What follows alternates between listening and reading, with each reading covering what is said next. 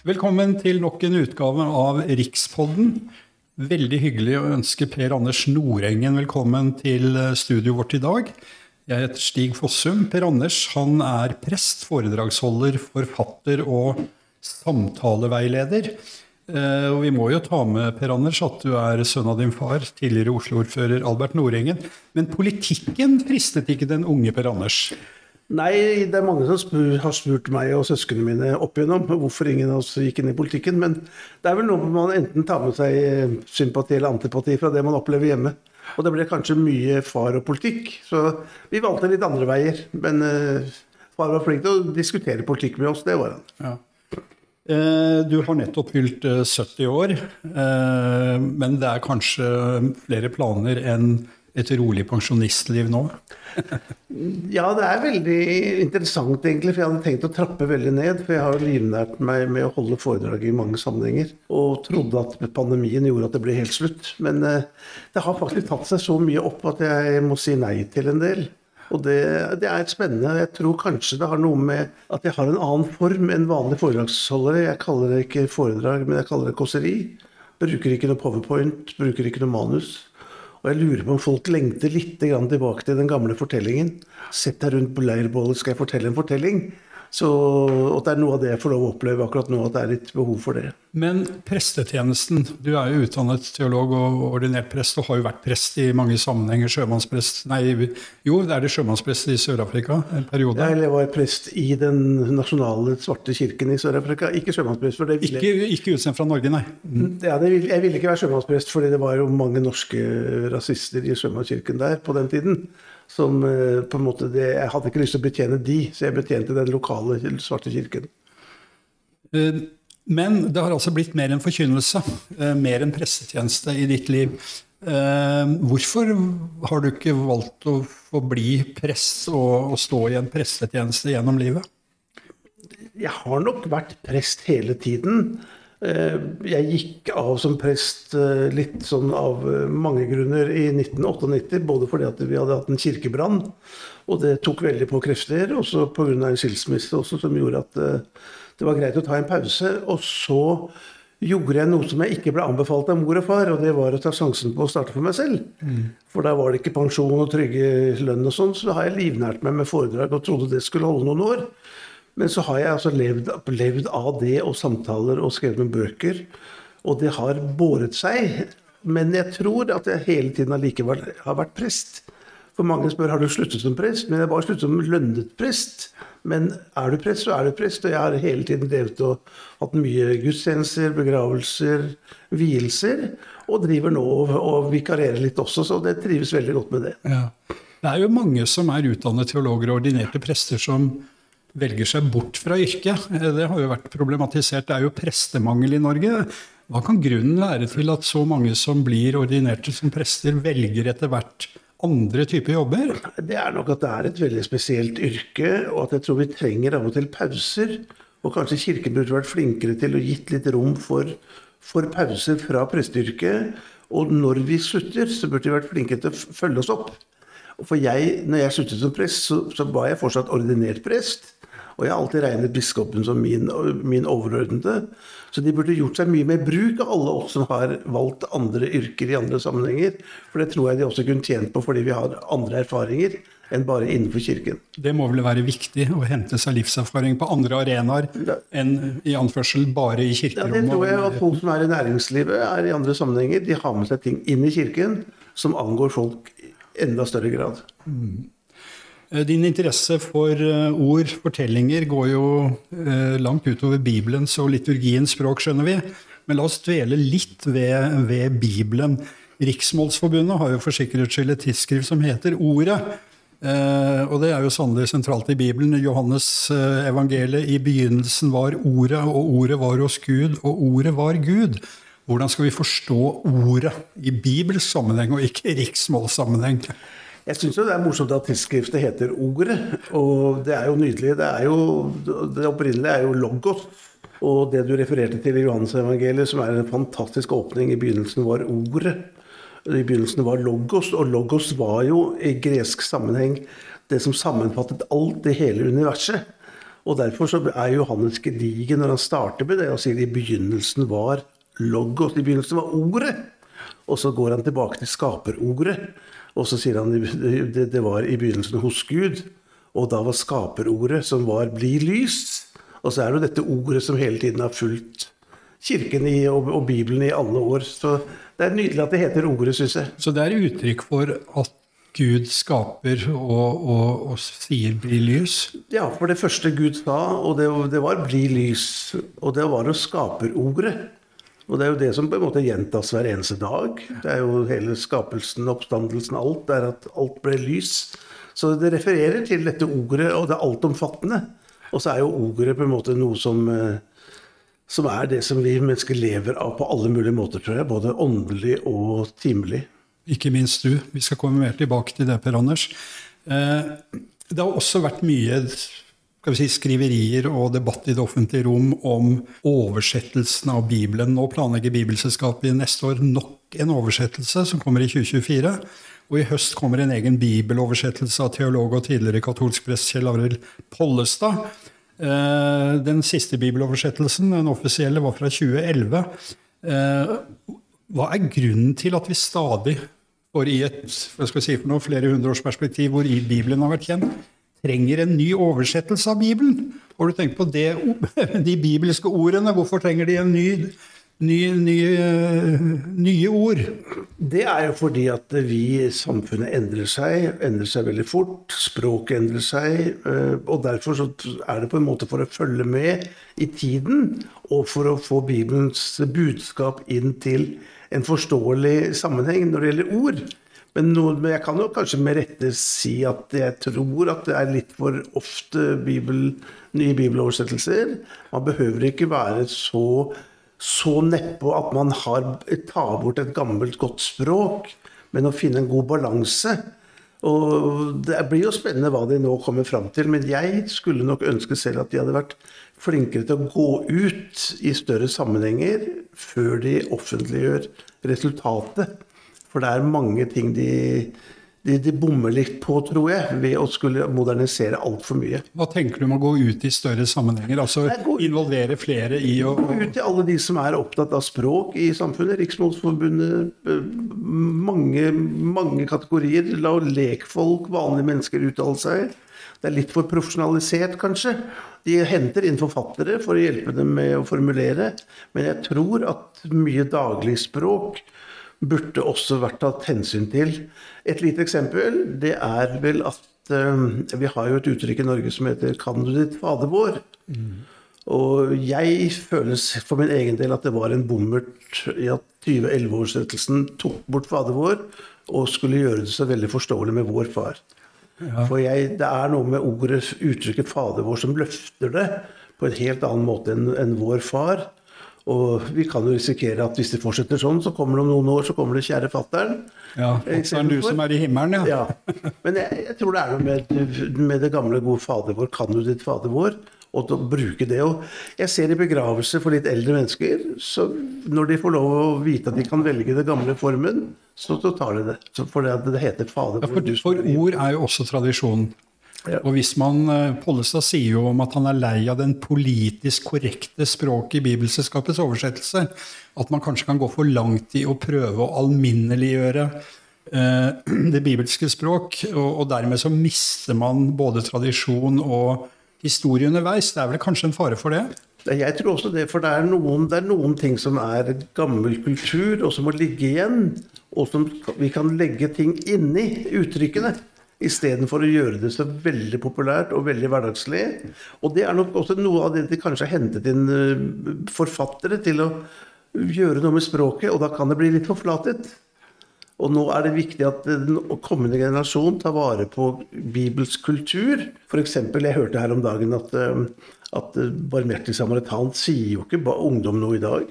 Nei, og, og, derfor må vi ta vare på sånne uttrykk som det barmhjertige samaritan, som Fader vår og, og, og, det er noe med ordene, for dette er, dette er jo ikke bare bibelord, men dette er, dette er, norsk kultur. Og det må tas vare på på en helt annen måte også.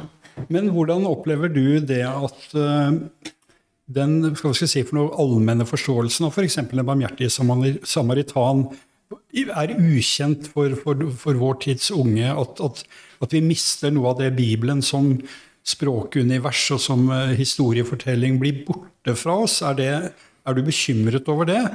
Altså, det er lenge siden kristendomskunnskapen forsvant ut i skolen, og vi i vår generasjon lærte jo salmeversene. Men, men, og de har jo gitt oss mye hva skal jeg si, forståelse og, og, og, og, god anvendelse som metaforer og som fortellinger som gir mening. Eh, vil det være et tap for oss hvis bibelfortellingene rett og slett på mange måter forvitrer? Jeg tror, at, eh, jeg tror vi mister noe verdifullt. Jeg tror vi mister noe av vår tusenårige kultur. Jeg tror vi mister noe av språket. Jeg tror vi mister mange referanser. Det er ikke mange i dag som f.eks. vet hva hvis vi sier enkelt skjerv, Sareptas krukke Og det er mange bibelske nydelige uttrykk som, som burde henge igjen. Og bibelske fortellinger. Og jeg, jeg, jeg, jeg, det, jeg er ikke bekymret, men jeg syns det er trist for både norsk språk og norsk kultur at mye av dette blir borte fra den allmenne forståelsen. En prests oppgave i kirken under en gudstjeneste er jo å legge fram, holde en preken og fortolke og legge ut Skriften. Eh, når du har så lang erfaring også fra å møte mennesker i andre sammenhenger, og du har stått på en rekke andre talerstoler overfor næringsliv, organisasjoner, og, og jeg vet, jeg har hørt deg selv eh, holder veldig inspirerende foredrag. I hvilken grad har, hvilken grad har din bibelkunnskap og, og, og, fortellingene fra prestetjenesten vært med å forme det du kan si er det manusfrie foredraget som du da ofte holder? Jeg, jeg tror kanskje at grunnen til at jeg eh, blir et, litt etterspurt foreløpig som en foredragsholder i ulike sammenhenger. Det er nok litt der jeg er i livet mitt. Jeg har nok en arvelig god belastning fra far, som var en god taler. Og samtidig så har jeg stått på en prekestol i 40 år. Og så lever jeg på et krysspunkt med erfaringer fra eget liv og fra andres liv, som, er, som mennesker som har invitert meg inn i livet deres. Og så klarer jeg å sette litt ord på det, som skaper gjenkjennelse i menneskers liv. Så jeg tror nok at alt dette har vært med på å forme det språket som jeg bruker nå, og som er et enkelt språk, men som skaper gjenkjennelse. Men hvis jeg kan få lov til å gå helt tilbake, så tror jeg kanskje at den som tente meg aller mest for ord, det var eh, fru Sperre, læreren min i første klasse.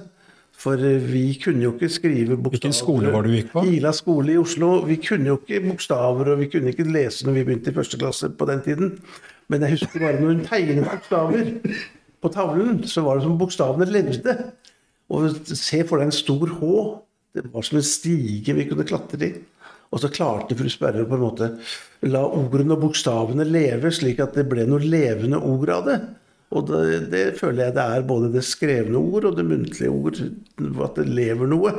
Og som skaper noe og berører noe i oss. Men du har jo også da funnet opp selv mange ord. Jeg har jo bl.a. merket meg, det var ganske morsomt, uh, interessant, du snakker om forelskelse. Som da kanskje går over etter en viss tid. Og da kommer etterelskelse. Det er jo vel kanskje du den eneste som hvordan jobber du med ord når du holder dine foredrag, når du, når du er rådgiver? Hvor viktig er, er, er ordbruken? Jeg syns det er morsomt å smake på ord, leke med ord, øh, grunne på ord. Når alle du, ord dukker opp, så tenker jeg, og jeg snakker litt med kona mi også, liksom, hvorfor, er, hvorfor, er, det ordet formet sånn? Ta ordet foredrag, f.eks. For, altså for meg så betyr jo det å dra et får, og det kan ikke jeg som Oslo-gutt. Så derfor holder ikke jeg foredrag. For jeg så foredrag på hytta når bøndene oppe i Ringsaker dro noen får i fjor høst. Men jeg holder kåseri, for kåseri det betyr faktisk direkte oversatt å snakke på en lettfattelig måte om alvorlige ting, fra det franske costær. Og jeg liker på en måte å kna ord, leke litt med dem, og synes at ordene Ordene skaper virkelighet. Og vi, og vi må på en måte ta ordene på sånt alvor at de de kan berøre oss, så vi kan leke med dem. Jeg elsker å lese ord. Og tenk at bokstaver kan settes sammen på en sånn måte at de skaper så mye som vi kjenner oss igjen i, både når jeg hører dem og leser dem. Men jeg har jo en, en, eh, erfaring som jeg lurer på om du har. Dette med at ordene kommer til deg når du ikke bruker manus. når du ikke, for det er klart Du henter jo fra den kilden av kunnskap og erfaring og det som, som lever i det du vil formidle til andre. Men har du ofte opplevelsen av det at, uh, ordene kommer til deg når du snakker? At du selv kan høre deg si ting hvor du kunne kanskje si 'det var da veldig godt sagt'? Nei, jeg tror kanskje at det, det, må, det, må, gjennomleves på forhånd og må knas og må bli en del av meg. Og mange ting som jeg har tenkt at jeg skal si av og til i, i noen kåserier, de blir ikke sagt, for det har ikke blitt en del av meg enda. Som jeg må på en måte prøve det ut en del. Eh, jeg hadde faktisk et lite sånn I går for, for, moro så ble jeg spurt om jeg kunne bare, bare komme med noen ord. Og I en sammenheng det var ute i Hauket og Prinsdal, hvor jeg har vært prest før, for en del mennesker. og da, da, bare lanserte jeg tre ord, og da kunne folk huske de. Et av de var f.eks. orkidé. For det tenker jeg at det er så mye mennesker som strever og sliter i dag. Tenk om de kan ha en orkidé som minner om at de må orke en idé til.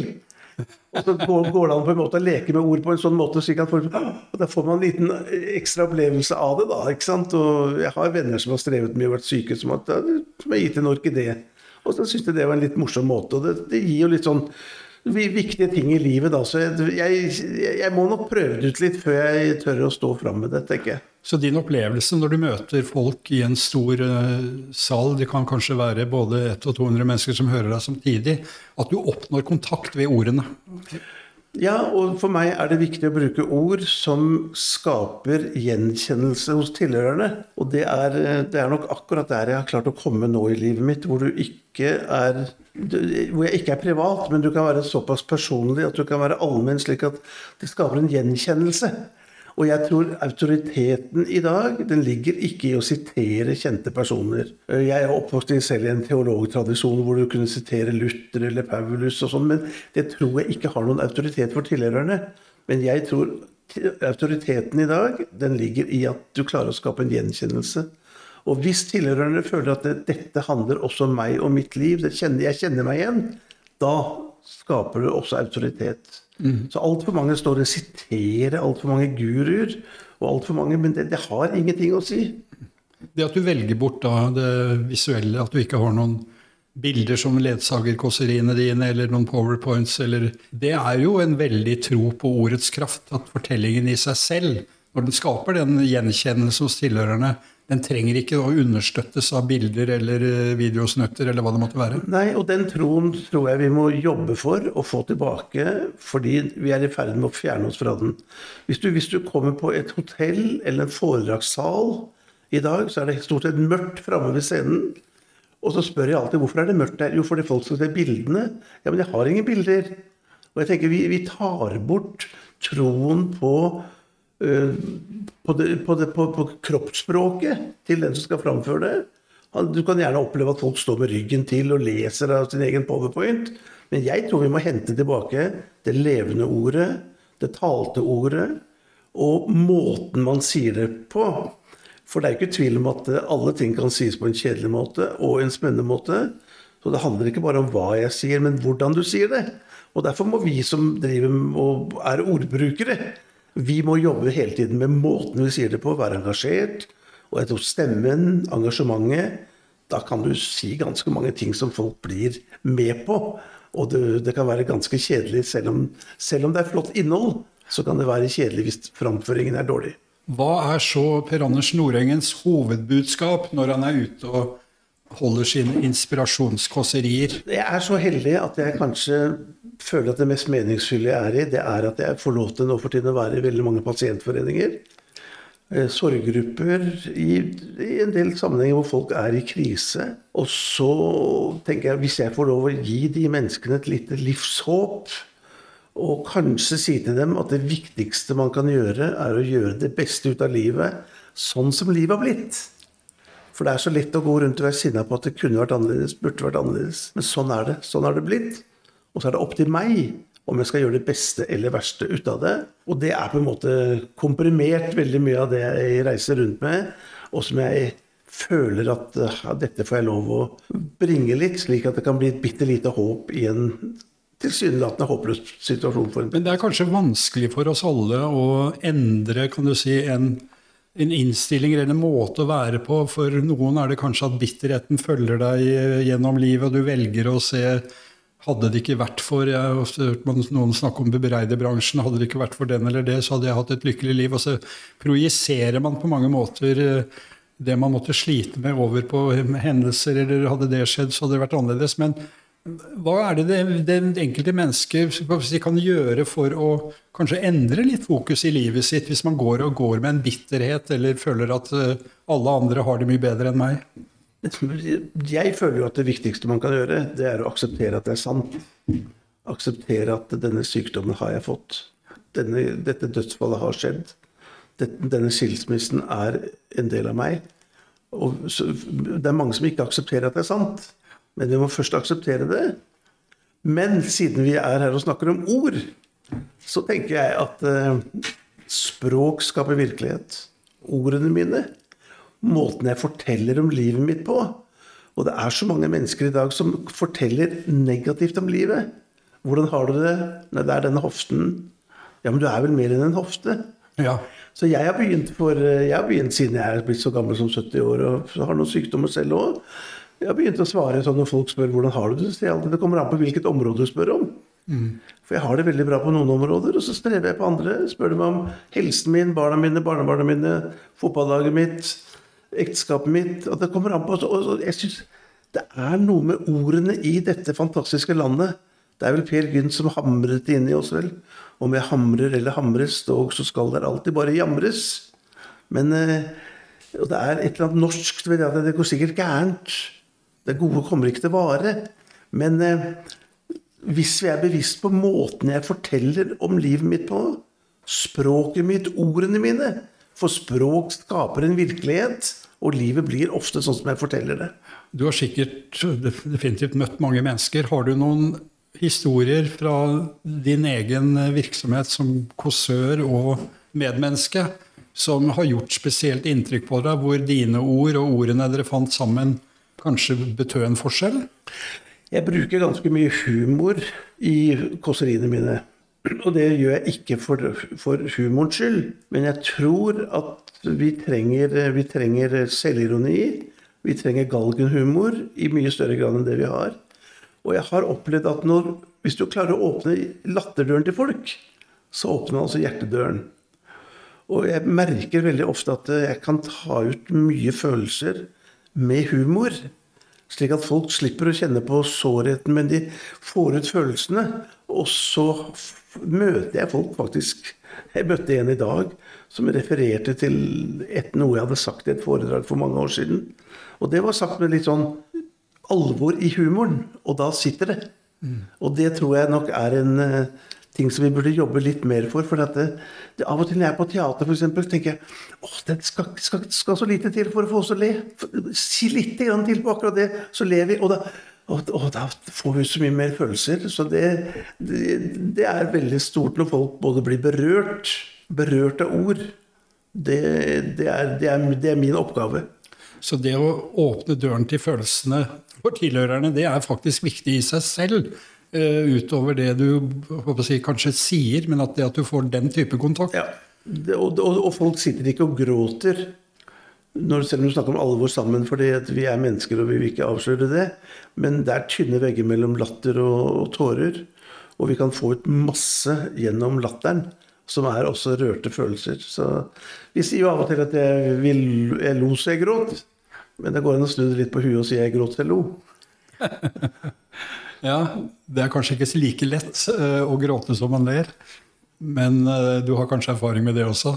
ja, jeg tror egentlig at mange mennesker burde, burde ta ut noe. Jeg, bare et lite eksempel.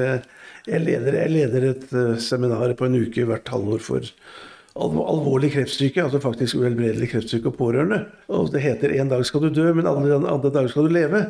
Og jeg ble så glad når en hadde skrevet i evalueringen at det hadde vært dødsgøy ja. hele uka. Ja. Og da kjenner jeg da har vi oppnådd noe, for at vi mennesker kan ikke alvor hele tiden. Apropos døden, Per Anders. Du er jo øh, veldig opptatt av dødsannonser. Er det ikke sånn at du samler på det? Jeg samler på dødsannonser, og det gjør jeg fordi at og hvis vi snakker om språk, mm. så tenker jeg er det noe som er trist også i Norge nå i de siste 20 årene, så er det at velstanden har gjort at vi går utenom det eksistensielle lite språk for sorg, angst, følelser. død. Altså folk bruker andre ord. Han gikk bort, han reiste videre, han gikk fra oss, han forlot oss. Og når folk sier til meg at han gikk bort, så spør jeg alltid hvor gikk han? Og hvis du ser dødsannonser i avisen, så er det veldig ofte at folk gjør det jeg gjør hver dag. De sovner stille inn. Altså Jeg sovner stille inn etter Kveldsnytt hver kveld. Men bråvåkner neste morgen, heldigvis. Og det er, det er, veldig mye morsomt som står i dødsannonser. Så jeg har en meget øh, interessant og morsom samling på akkurat det. Ja, Men du har jo møtt døden da ved en, som du selv forteller som prest, ved en rekke begravelser. Det er jo ikke det enkle når vi møter at noen da faktisk dør og blir borte fra oss. Eh, blir man noen gang vant til å håndtere den type opplevelser fordi man da skal forrette en gravferd for f.eks., eller gå med sørgebud og møte mennesker med en veldig trist nyhet? Da. Nei, det, det ble aldri en vane. Og hvis det å ha en begravelse blir en vane, da må, man slutte. For meg så er enhver, enhver begravelse Jeg skal ha en til tirsdag neste uke. Og enhver begravelse er en historisk begivenhet. Det er den eneste gangen i verdenshistorien at dette mennesket skal tas eh, farvel med. Og da skal det tas på alvor og jobbes med og gjøres på en så god måte som mulig for alle de som er til stede. Men hva er ditt beste råd til sørgende, når vi først er inne på dette? da? Vi snakker jo ikke ofte om døden, og du har jo løftet den fram, at må, døden er like viktig som livet. At vi må, må, må, være mer åpne også om de sorgfulle og vanskelige tingene. Jeg sier ofte til sørgende, så sier jeg, når jeg hatt en samtale med dem før begravelsen, sier jeg 'ha det godt og vondt til vi ses igjen', sier jeg. Og så blir litt. Vi er så vant til å si bare 'ha det godt'. Men jeg tenker vi må tillate oss å ha det både godt og vondt. Og det går an å ha det godt, selv om jeg av og til har det vondt. Og tillate seg begge deler. Og det, det, tror jeg, det, tror jeg, er viktig. Og så må vi regne med at det å leve handler om å leve med tap. Vi alle mennesker opplever uventede, ubehagelige endringer og tap. Og det må vi regne med og forberede oss på, i stedet for å få helt sjokk hver eneste gang det skjer. Er det noen ord du savner i vårt språk? Har du noen gang tenkt på Du snakker om etterelskelse og forelskelse. Men, men, men jobber du aktivt med å, å, å, se om det kan være nye ord som kan være med å, å løfte fram kunnskap og bevissthet hos oss? Ja, Det hadde vært interessant å komme med noen sånne ord nå. Men da kan jeg jo si at det jeg savner kanskje aller mest, det er at vi tør å si rosende og pene og skrytende ting til hverandre. For jeg tror at vi lar være å gjøre det fordi vi kommer så godt ut av det til sammenligning, hvis jeg lar være. Men tenk hvordan vi blomstrer hvis andre sier pene ting om oss og til oss. Og da tror jeg vi skal bli enda flinkere på oppmuntringer. Da vil det bli masse gode ringvirkninger av det. Det syns jeg var en veldig flott uh, oppfordring til oss. At vi skal være flinkere til å oppmuntre hverandre og faktisk si noe pent om hverandre.